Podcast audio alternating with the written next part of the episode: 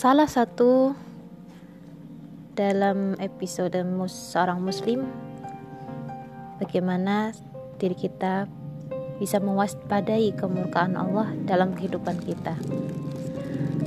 Yang namanya murka artinya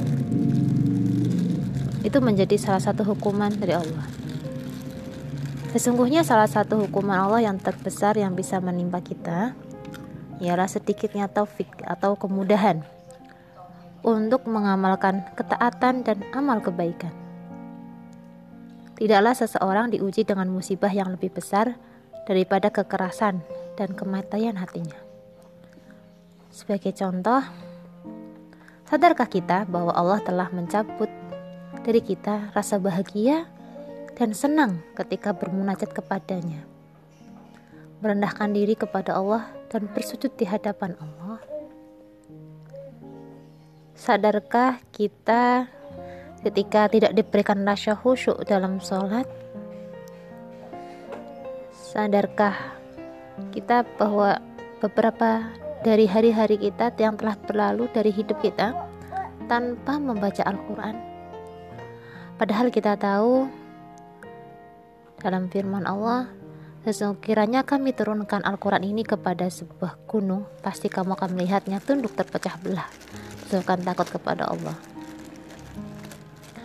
Namun kita tidak tersentuh dengan ayat-ayat Al-Quran seakan kita tidak mendengarnya. Sadarkah kita telah berlalu beberapa malam yang panjang sedangkan kita tidak melakukan qiyamul di hadapan Allah. Padahal terkadang atau bahkan sering kita bergadang. Sadarkah kita bahwa telah berlalu atas kita musim-musim kebaikan seperti Ramadan, 6 hari bulan Syawal, 10 hari pertama bulan Zulhijjah dan seterusnya. Namun kita belum diberi taufik atau kemudahan untuk memanfaatkannya sebagaimana mestinya. Hukuman apalagi yang lebih berat daripada itu? Tidaklah kita merasakan beratnya mengamalkan banyak ketaatan? Tidakkah Allah menahan lidah kita untuk berzikir, beristighfar, dan berdoa kepadanya? Tidakkah terkadang kita merasakan bahwa kita lemah di hadapan hawa nafsu? Hukuman apa lagi yang lebih berat daripada semua ini? Sadarlah kita, sadarkah kita yang mudah saja bagi kita berhibah, mengadu domba, berdusta, dan memandang ke hal yang haram? Sadarkah kita bahwa Allah membuat kita lupa kepada akhirat? Lalu Allah jadikan dunia sebagai perhatian terbesar dan ilmu tertinggi dan menjadi perhatian utama kita dalam waktu-waktu yang kita miliki.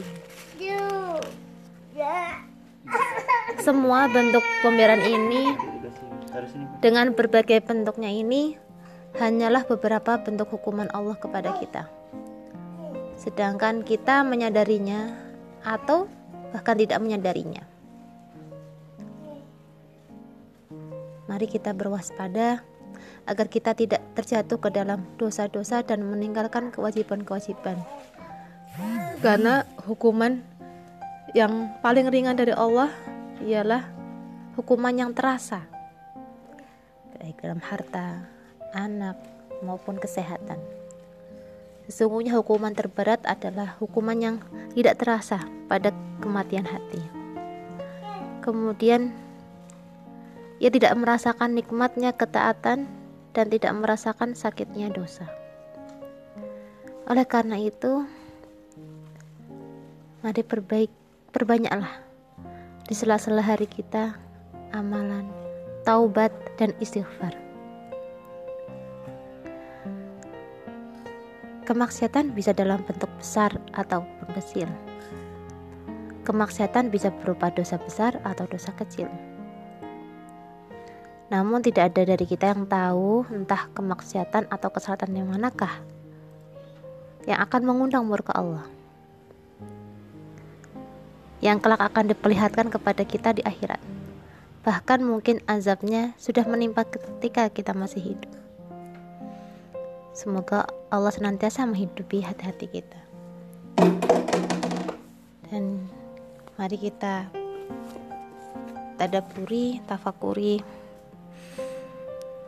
di surah Maryam ayat 59 sampai 60.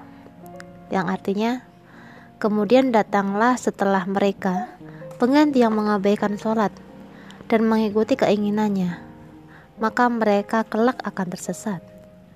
Kecuali orang-orang yang bertobat, beriman, dan mengerjakan kebajikan, maka mereka itu akan masuk surga dan tidak didolimi sedikit pun.